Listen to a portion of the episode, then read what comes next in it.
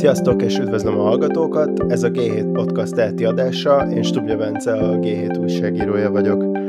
Magyarországon az elmúlt hetekben mind a kormánypárti, mind pedig az ellenzéki szavazóknak lehetett olyan élménye, hogy valamilyen formában részt vesznek a demokráciában, hiszen nemrég zárult le az ellenzéki előválasztás első fordulója, amivel egy időben zajlik a kormánypárt aláírásgyűjtési kampánya is. Ha az aláírókat vagy az előválasztókat megkérdeznénk, akkor valószínűleg egyetértenének benne, hogy valamilyen módon a demokratikus jogaikat gyakorolták akkor, amikor részt vettek az előválasztáson, vagy aláírták a petíciót. Abban a kérdésben viszont, hogy az egész ország demokratikusan működik-e, jó eséllyel hatalmasak lennének az eltérések a válaszok között. Ezzel összefüggésben Magyarországon a 2010 utáni politikai folyamatokat elemezve több olyan elmélet is született, ami az ország politikai berendezkedését próbálja meg valamilyen módon értelmezni a demokrácia nem demokrácia tengelyen. A magyar politikai rendszert az elmúlt öt évben jellemezték illiberális demokráciaként, hibrid rezsimként, vagy például tökéletlen demokráciaként is.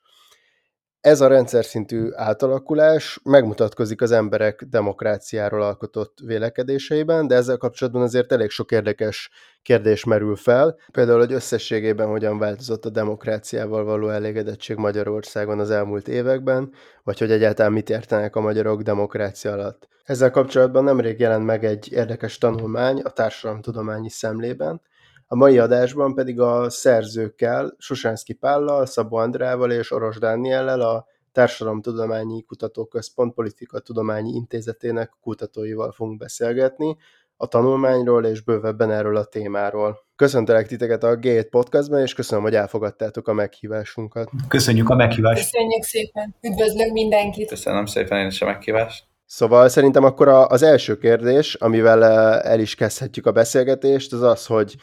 hogy általánosan mennyire elégedettek Magyarországon így a közelmúltban az emberek a demokráciával, és hogy mekkora a közmegegyezés mértéke ezzel kapcsolatban, illetve hogy nemzetközi viszonylatban ezek milyen eredménynek számítanak. Az említett tanulmányunkban, ugye, amit a szoció.hu-n jelenítettünk meg, a European Social Survey és az Európai Társadalmi Vizsgálat adatai alapján vizsgáltuk. Ugye az a szerencsés helyzet van, hogy ez egy olyan nagy mintás európai országokat összehasonlító kutatás, ami 2002 és 2018 között, tehát elég hosszú távon lehetővé teszi számunkra, hogy a magyar adatokat összehasonlítsuk Európa más országainak eredményeivel, és hát ugye a tanulmányunkban ezeket az eredményeket mutatjuk meg, és mutatunk rá arra, hogy eh, miközben Magyarországon a demokráciával, tehát a demokráciával való elégedettség átlaga az körülbelül az európai átlag alatt van kicsivel, tehát hogy a középmezőnybe tartozunk,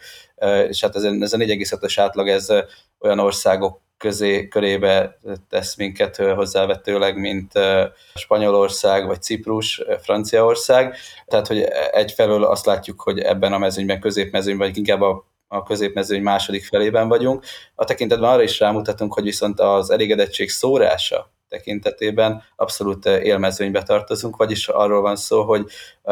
a kormánypárti és az ellenzéki szavazók közötti különbség, így, jön, így áll össze ugye ez a szórás, tekintetében nagyon magas különbség mutatkozik, tehát ez a tulajdonképpen a másik legmagasabb érték, csak Szerbiában tapasztaltunk ennél magasabb szórást, és hát tulajdonképpen ez egyik kiinduló gondolata is a tanulmánynak, illetve az egyik fő kérdése, hogy ez, hogy ez, ez miből adódhat, miért van ekkora szórás Magyarországon. Ezt őszintén szóval ez bennünket is meglepett, hogy itt ilyen nagy eltéréseket találunk, tehát hogy ennyivel nagyobb, vagy ennyivel eltérő egy ellenzéki és egy kormánypárti szavazónak a gondolkodása Magyarországon, mint az összes többi vizsgált országban. Tehát az, hogy összességében ugye nem annyira kedvezőtlen a demokrácia érzékelése Magyarországon, egy ugye egy nullától tízig terjedő skálán, csak éppen azt látjuk, és talán ez nem túlzó kifejezés, hogy teljesen más világban él egy kormánypárti szavazó, és teljesen más világban él egy ellenzéki szavazó. Ez utolsó mondat és félreértés ne essék, természetesen más európai országban is egy kormánypárti szavazó jobb, kedvezőbb véleménnyel van a demokrácia működéséről, csak, csak ez az óriási gap, ez nem látszik a többi ország esetében, mint ami nálunk. Igen, szerintem a tanulmányban pont ezen a vonalon tovább haladva ez is kifejezetten érdekes volt, hogy amikor 2002 és 2018 talán, tehát hogy ebben a nagyjából két évtizedben vizsgálta a tanulmány, hogy az elégedettség és a, egyébként a polarizáció hogyan változott, akkor ebben is ilyen óriási eltérések voltak, hogy hogyan nyílt szét itt a, a polarizáció. Hogy erről egy kicsit akkor részletesebben tudok mesélni, hogy itt ugyanilyen, tehát Magyarországon és nemzetközi összehasonlításban mit találtatok? Ugye az adatainkból az látszik, hogy egyrészt, hogyha az elégedettség átlagát nézzük, hogy természetesen a negyedik hullám idején, tehát ez pont ugye az a, az a politikai és gazdasági válság, ami ugye 2006-2008 környékén gyűrűzött be Magyarországon, az abszolút egy, egy, nagyon nagy mélypontra lökte az elégedettséget, demokráciával való elégedettséget Magyarországon, tehát hogy egy egyértelmű zuhanás mutatkozik az adatokban, tehát egy közel ötös értékről hármas értékre zuhant be, de aztán fokozatos növekedésnek lehetünk tanulni egészen ugye 2016-ig, amikor aztán megint egy kisebb csökkenés van. Tehát maga az átlag az, az mutatja ugye ennek a gazdasági politikai válságnak a hatását. Magyarországon ezzel szemben Nyugat-Európában ilyen mértékű zuhanásra, ugye amitről beszéltem, az adatok nem mutatnak, illetve Kelet-Európában sem ekkora ez a fajta esés, illetve hogy Kelet-Európa országaiban azt látjuk, hogy azért volt, tehát volt természetesen némi esés ebben az említett időpontban, de hogy összességében az átlag egy ilyen lassú növekedő tendenciát mutat. Magyarországon a legutóbbi hullámban viszont van egy kisebb beesése az átlagnak. Kelet-Európában mondjuk ez a szintű polarizáció, ez kiemelkedő-e? A szórás változását, tehát a polarizáció növekedését tekintve azt találtuk a tanulmányban, hogy ez a növekedés, ez már korábban, tehát már az említett válság előtt megindul Kelet-Európában, és aztán ez a, ezen a különösen a gazdasági válság hatása nyomán egészen tulajdonképpen 2014-ig folyamatos növekedést mutat, ennek a polarizációk növekedése, de aztán legalábbis Kelet-Európában, illetve Nyugat-Európában is azt látjuk, hogy ez egy csökkenő pályára áll, míg ehhez képest hogy Magyarországon tovább folytatódik, és hát tulajdonképpen ez egy megmagyarázásra szoruló érdekes eredmény, azt gondoljuk. Egyébként az adatokból az is látszik, hogy hosszú, tehát az ESS különböző hullámaiban nagyjából 2010-es évek közepéig a magyar és a kelet-európai, közép-európai adatok lényegesen nem tértek el egymástól, az utolsó adatfelvétel az, ahol megfigyelhető, illetve hát az a bizonyos beszakadás 2008-2009-ben, amikor a magyar adatok érdemben elkülönülnek a közép-európai, kelet-európai adatoktól. Ami egészen elképesztő, az viszont a Nyugat-Európa és a Kelet-Európa, beleértve Magyarországot is, a, a különbsége, hogy mennyivel más a demokrácia demokráciával való elégedettség Nyugat-Európában és Közép-Európában, tulajdonképpen nagyságrendi különbségről beszélhetünk. Tehát statisztikai értelemben vett érdemi különbség van a között, hogy egy nyugat-európai, észak-európai hogyan látja a demokrácia működését a saját országában, illetve az, hogy egy közép-európai is benne egy magyar hogyan látja a demokrácia működését a saját országában ugye akkor érzékeljük ezt, hogy a, meg a tanulmánynak is ez egy ilyen kiinduló pontja, hogy a, ez a pártos polarizáció, tehát az, hogy a különböző pártok támogatói másképpen ítélik meg a demokráciának a helyzetét, ez meghatározza az, hogy a rendszert hogyan értelmezik, vagy hogyan vélekednek a, a politikai rendszerről, de hogy emellett a demokrácia eltérő értelmezéseiből is fakad ez a különbség, és ezzel egy ilyen asszociációs vizsgálat segítségével foglalkozik ez a, a tanulmány, és akkor igazából a kérdésem az az lenne, hogy hogyha ilyen általánosan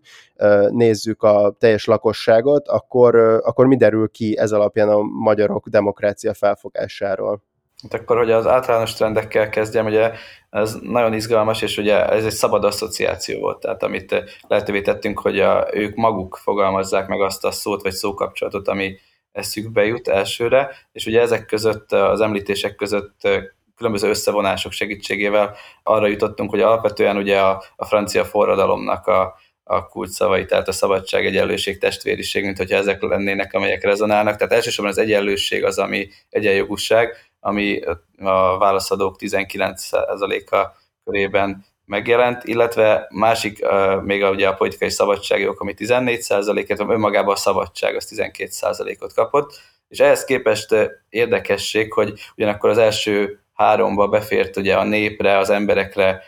utaló szókapcsolat is, tehát ez a 17 százalékuk válaszolt, vagy említette ezt a szókapcsolatot, és akkor ezek, ezek után a sorban követi a mindenféle demokratikus intézmények benne a választás említése, ez ugye 10 százalék. Érdekesség, hogy 5 százalékuk szerint Magyarországon nincs ilyen, tehát ez az elégedetlenségnek a megfogalmazása. Aztán még van a 5 százalék, aki a különböző beleszólás, megértést, összefogást említette, illetve hát az is érdekesség, és erről is külön hogy az ilyen érzelmi alapú megközelítések akár negatív, akár pozitív, mindössze 3%-nyi válaszadó válaszaiban jelennek meg, tehát hogy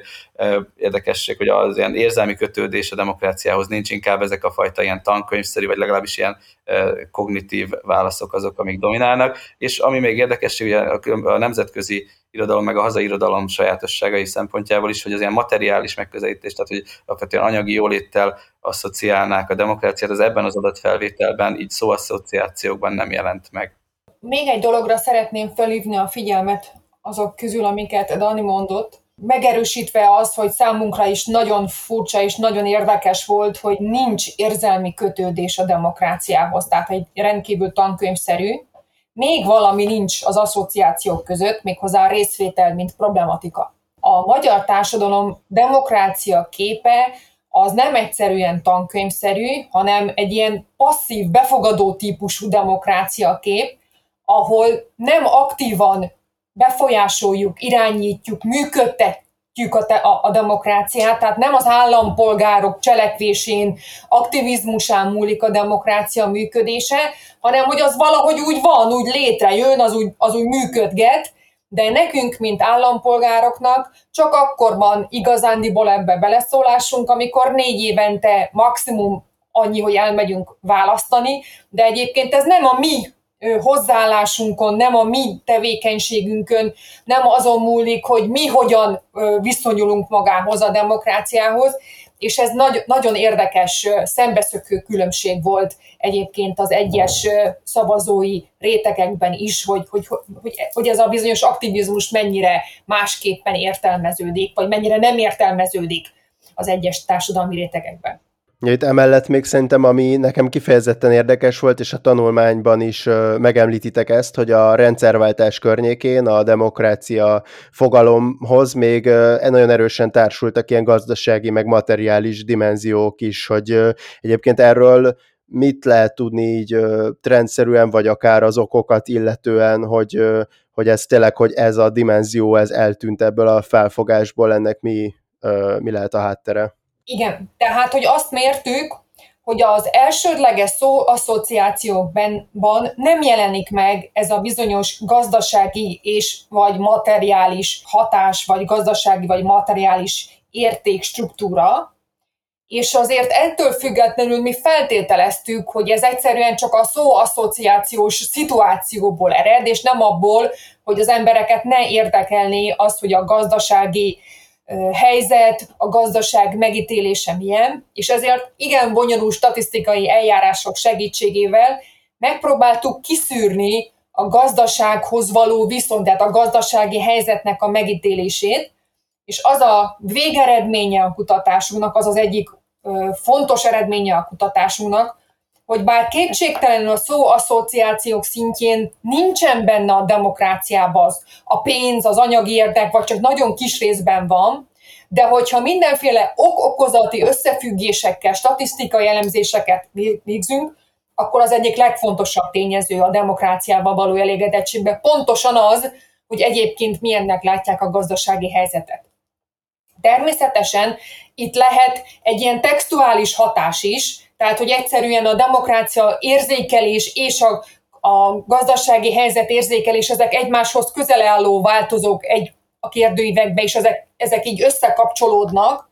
de ha a mindenféle hatásokat kiszűrjük, akkor is látszik, hogy ha a statisztikai modelleket nézzük, akkor igenis van jelentősége a gazdaság megítélésének, és az egy külön érdekes, és természetesen ezt mi a magunk eszközeivel nem tudjuk vizsgálni, mert ez elsősorban szociálpszichológia, hogy amikor megkérdezik az embereket, akkor miért nem mondták egyből azt, hogy pénz, vagy gazdaság, vagy nem tudom, gazdasági helyzet. A, az egész demokrácia való elégedettség kérdése, tehát ez a, ez a téma, ez egy ez a politikai szociológia vagy a politika tudományon belül az ez egy nagyon-nagyon kiemelten kutatott terület, és ennek az egyik, az irodalomnak az egyik nagy része az azzal foglalkozik, hogy tulajdonképpen hogyan is kell értelmezni a válaszokat, amikor ezt ilyen kérdőjes módszerekkel vizsgálják a szociológusok. Tehát mi is van amögött, hogy, hogy az emberek a demokráciával elégedettek vagy elégedetlenek, és ennek az egyik ilyen nagy iránya az azt mondja, hogy igen, a, a, amikor azt kérdezzük, hogy a, az emberek a demokráciával elégedettek-e vagy sem, amögött legalább két ilyen irány van. Az egyik az konkrétan a politikai rendszernek a demokratikussága, a másik pedig azok a mondjuk közszolgáltatások, amiket a politikai rendszer nyújt. Tehát mondjuk röviden az egészségügy, oktatás és így tovább, tehát minden olyasmi, amit az állam biztosít, az ezzel való elégedettség is megjelenik a, a, a demokráciával való elégedettség érzésében. Tehát ilyen értelemben függ össze, vagy függhet össze ö, ö, a, a gazdasággal való elégedettség, a demokráciával való elégedettséggel, hogy, hogy ezek a, az állam által biztosított közjavak, ez kal mennyire elégedettek az emberek. És akkor ugye mi azt próbáltuk meg, hogy, hogy olyan modelleket csináljunk, amiben e- ezt is kontroll alatt tartjuk, és azt, mármint a gazdasággal való elégedettséget is kontroll alatt tartjuk, és az, az volt az eredmény, és ez szerintem érdekes és jó pufa, hogy a demokráciával való elégedettséget akkor is befolyásolják a tartalmi elemek, tehát az, hogy ki mire asszociál, milyen értelmet próbál adni a, a demokráciának, hogyha a gazdasági elégedettséget kontroll alatt tartjuk. Tehát azok, akik tudnak valamilyen tartalmi elemet társítani a demokráciához, akár, akár a szabadságot, akár a népet, akár, akár más, más tartalmi elemeket, azok elégedettebbek a demokráciával, mint akik egyáltalán nem tudnak semmilyen tartalmi dolgot hozzá, hozzá kapcsolni. Térjünk szerintem rá arra, hogy a, a két uh, politikai tömbben hogyan ér, értelmezik a demokráciát, mert az is nagyon érdekes, hogy, hogy ebben is elég uh, markáns eltérések jöttek ki a, a kutatásatok alapján. Igen, tehát hogyha elsősorban a pártválasztás, mint változót kiemeljük az egyes kategóriák választása kapcsán, akkor az az érdekesség tapasztalható, hogy egyrészt a Fidesz-KDNP szavazók körében sokkal nagyobb magabiztossággal találunk olyan válaszadókat, akik eh, tudnak erre, a válaszra, erre választani, tehát magabiztosan válaszolnak erre a kérdésünkre, illetve hát sokkal kevesebben vannak olyanok, akik ugye azt mondanák, hogy nem létezik demokrácia Magyarországon, tehát bármifajta ilyen elégedetlenségetnek adnának hangot. Ezzel szemben inkább, eh, ami pedig pozitív irányba, tehát amiben magasabb körükben az említés, ez pedig a nép a népet választók aránya. Ugye ez ez megint csak a nemzetközi irodalomból azért tudható, hogy alapvetően a, a populista pártok sajátosság ez a népre utalás, tehát ez a fajta retorikai elem ez megjelenik a választók véleményeiben. Ami érdekesség, hogy itt az adatokban egyébként nem két tábor találtunk, hanem hármat, tehát a jobbik szavazói azok, akik körében mutatkozik némi eltérés, nevezetesen az, hogy ők az ő értelmezésük szerint a, a beleszólás iránti vágy az, az, az nagyon fontos, tehát ők jobb, nagyobb arányban említik ezt a demokrácia részeként, mint valami olyasmi, ami az állampolgárok beleszólását igényli, mint a többi pártok szavazói illetve hát a baloldali pártok szavazóival pedig az az érdekesség, hogy ők azok, akik nagyon hasonlítanak az átlagos válaszhoz, tehát itt, itt, nem, itt nincs ilyen nagyon erős kiugró érték. Annyit látható, hogy a liberális zöld és kisebb pártok esetében, hogy az egyenlőség az, ami egy hát én nagyon kis statisztikai határon belül, de ez, ez megjelenik, tehát magasabb, mint az átlag, illetve még talán azt látszik, hogy hogy ők kisebb mértékben asszociálnak az átlaghoz képest a beleszólás kifejezésre. Ugye ezt a beleszólást a Jobbiknál például kiemeltük, itt ez pont fordítva nem, nem annyira látható ez a beleszólás igénylése. És hát végül végül van egy negyedik csoport, akiről pont a pártpreferenciájuk hiánya miatt emlékeztünk meg a tanulmányban, nevezetesen, hogy mutatkozik összefüggés a tekintetben, hogy valakinek van-e pártpreferenciája, és tud-e bármi bármit azonosítani a demokrácia fogalmával, tehát akiknek nincsen ilyen preferenciájuk, azok valószínűleg azok nagyobb arányban nem is tudnak erre a kérdésre válaszolni. úgyhogy azért a pártválasztás és a demokrácia megítélése között látszik kapcsolat. A kutatásunknak éppen ez a másodlagos haszna, hogy ugye nagyon sok szoktak beszélni a közbeszédben az úgynevezett bizonytalanokról, tehát azokról, akiknek nincsen aktuálisan pártpreferenciája, és egy kicsit olyan misztikus ez az egész bizonytalan dolog, mindenki úgy valahogy beszél róla, de nincs igazándiból sohasem egészen pontosan rögzít, vagy ki mit ért rajta. Most a mi kutatásunk azt mutatja, hogy, a, hogy, hogy ezek a bizonytalanok, akik a pártpreferenciáikban bizonytalanok, nem egyszerűen a politikai pártokhoz való viszonyukat tekintve bizonytalanok, hanem az egész politikai arrendszerhez, a politikai történésekhez való viszonyuk az, amelyik teljesen bizonytalan. Tehát még egy viszonylag egyszerű kérdésre, hogy mi az, hogy demokrácia, sem tudnak választ adni, mert azt mondják, hogy nem tudom megmondani, hogy mi az, hogy politika, vagy te bocsánat, az, hogy, az, hogy demokrácia. Egyébként azt is szoktuk kérdezni, mi az, hogy politika, és arra sem tudnak válaszolni.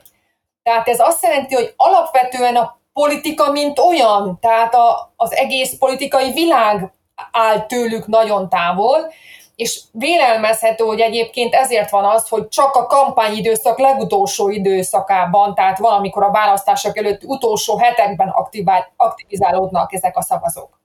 És még egy dolgot szeretnék mondani, jogosan merülhet fel az a kérdés, hogy az ellenzéki szavazótábort miért nem egyként kezeltük, Azért, mert ez még egy előző periódusban fölvett adatfelvétel volt, tehát ha jól emlékszem, javítsatok ki, ha nem így volt, ez 2018 őszén készült, egy egyébként nagyon rossz periódusában az ellenzéknek, amikor az ellenzéki szavazók úgy egyébként is nagyon apatikusak és nagyon kiábrándultak voltak, és ebben az időszakban nem mondhatjuk azt, hogy az, az a most összeállt ellenzéki szavazótábor az még egyként működött volna, hanem voltak jobbikosok, voltak baloldaliak, meg voltak liberálisok, ilyen környezetvédő beállítódásúak, és ezért ezeket kénytelenek voltunk különbenni, ha akartuk, hanem hiszen másképpen is gondolkodtak. Oké, okay, akkor egy ilyen lezáró kérdésként még az jutott eszembe, hogy pont amit itt említettél is, Andrea, hogy 2018-ban készült a vagy 2018-ra vonatkozik a, a kutatás, hogy az azóta eltelt politika, az, azóta eltelt időszakban nagyon sok minden változott a magyar politikában, és ez alapján igazából a, a, a tanulmány által vizsgált témákban szerintetek így mi az, ami a, a legérdekesebb lehet, és itt most nem jóslásra kérlek titeket, hanem arra, hogy ti kutatóként egyébként mit tartotok a legérdekesebb trendnek ebben a, a témában, a demokráciával való elégedettség és a polarizáció témában? Talán annyi hipotézis tehetünk, és majd az urak kiegészítenek engem, hogy minden valószínűség szerint az elmúlt években lezajlott politikai folyamatok nem csökkentették a polarizációt Magyarországon, hanem tovább erősítették a polarizációt. A szakirodalom ugyanis azt mondja, hogyha egy pártrendszer elkezd két pártrendszeri struktúra felé mozdulni, az növeli a polarizációs trendeket, és most akárhogy is nézzük, ha nem is két pártrendszer, de két nagy tömb irányába mozdult el a politikai rendszer, és ez a két nagy tömb nagyon élesen megpróbálja a saját szavazóit szembeállítani egymással, ennek pedig egyenes következménye lehet, nem tudjuk, hogy így van-e, hogy még jobban polarizálódhatott a, a, a Fidesz körül kialakuló szavazói tömb, és az ellenzéki pártok közül, körül kialakuló szavazói tömb. És ennek pedig egyenes következménye lehet, hangsúlyozottan erre jelenleg nincsenek adatok, hiszen a European Social Survey-nek ebben a pillanatban, tehát most 2020 őszén van a következő adatfelvétele, ez könnyen elképzelhető, hogy a demokráciával való elégedettségben is megnyilvánul. Ami még talán szintén érdekesség, ugye is az elhangzott a beszélgetésben, hogy a demokrácia felfogásban Magyarországon az asszociációk szintjén nem jelenik meg például a részvétel, a részvételiség gondolata. Az megint csak egy érdekes kérdés, hogy a, vajon például annak tükrében, hogy az ellenzék bevezette az előválasztás intézményét, vajon növekszik-e esetleg az erre való asszociáció, tehát jobban megmozgotta-e ugye véletlenül az ellenzéki tábor, de hogy alapvetően a, ennek az a innovációnak van-e hatása akár teljes lakosság körében a, a demokrácia felfogására, mint olyas valamire, amiben ugye részt kell vennünk, és ami, ami egy munkás folyamat, és ami, ami nem feltétlenül csak az elitek kompromisszuma, hanem az állampolgároknak a beleszólását is. Igen, ugye találtuk, hogy a, például a jobbikosok esetében nagyon hangsúlyos volt ugye a, a beleszólás, mint lehetőség értékelése, ez is egy kérdés, hogy mondjuk adott esetben, hogy az ellenzéki tábor összehangolódása kapcsán ez a beleszólás például jobban megjelenik meg jobban megjelenne az egységes ellenzéki narratívában, ugye ezt nem tudjuk, ezt érdemes lenne mérni. A, a kérdésedben azt, azt mondtad, hogy itt ne bocsátkozunk jóslásokba, és én azt nem is szeretnék. Tehát az, hogy 2000 mondjuk 18 óta eltelt három évben mi történt, az igazából mi hárman nem látjuk, mert mert erre nincsen saját adatunk.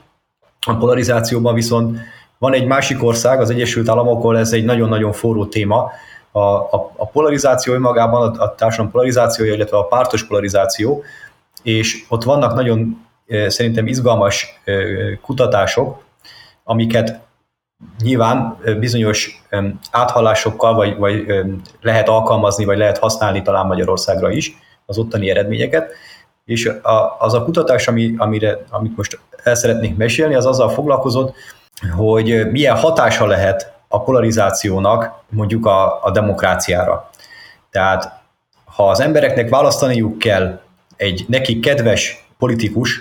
és egy, egy, egy nem demokratikus intéz, intézkedéseket bevezető politikus között, és ezt variáljuk, tehát lehet olyan politikus, aki nekik kedves és nem demokratikus intézkedéseket vezet be. Tehát ezek között a politikusok között kell választania, akkor, akkor hogyan döntenek az emberek, melyiket, melyiket preferálják. És a kutatásnak az a nagyon érdekes eredménye, hogy az emberek azok hiába nem demokratikus intézkedéseket akar bevezetni az a politikus, hogyha az az ő táborának a politikusa, akkor is őt választják, illetve nagyon kevesen vannak azok, akik, akik hajlandóak a másik többnek vagy a másik pártnak a jelöltjére szavazni, akkor, hogyha a saját jelöltje, akivel egyébként szimpatizálna, az nem demokratikus intéz, intézkedéseket vezet be. És hogy ez hogyan kapcsolódik most a, a, a mostani szituációhoz, Ugye, hogyha belegondolunk, hogy 2020-ban volt ez a nagy Covid-válság, és a Covid-válság következtében számos olyan intézkedést kellett hoznia nem csak a magyar kormánynak, hanem más európai kormányoknak is, ami a különböző szabadságjogoknak a korlátozásával járt. Mondjuk nagyon egyszerű, 2020 második felében ugye a tüntetés az, az egy tiltott dolog volt, nem engedték a tüntetéseket Magyarországon. Tehát ilyen értelemben a szabadságok azok korlátozva voltak, és akkor az a kérdés, hogy az emberek azok mennyire fogadják el azt, hogy a hatalom az korlátozza az ő szabadságjogaikat. És az a nagyon érdekes, ebből az következik, és erre vannak adatok is, hogy az emberek azok jobban elfogadják azokat a, a korlátozásokat, szabadságjogi korlátozásokat, amik őket nem érintik, viszont az ellenzék vagy, vagy, vagy a, másik tábort viszont, viszont érintik. Tehát például kifejezetten itt a tüntetésekre gondolok, tehát a tüntetéseknek a, a, a betiltását, azt jobban, prefer, jobban el tudják fogadni azok a választók, vagy azok az emberek, akik amúgy valószínűleg nem mennének el tüntetni a mostani kormány ellen,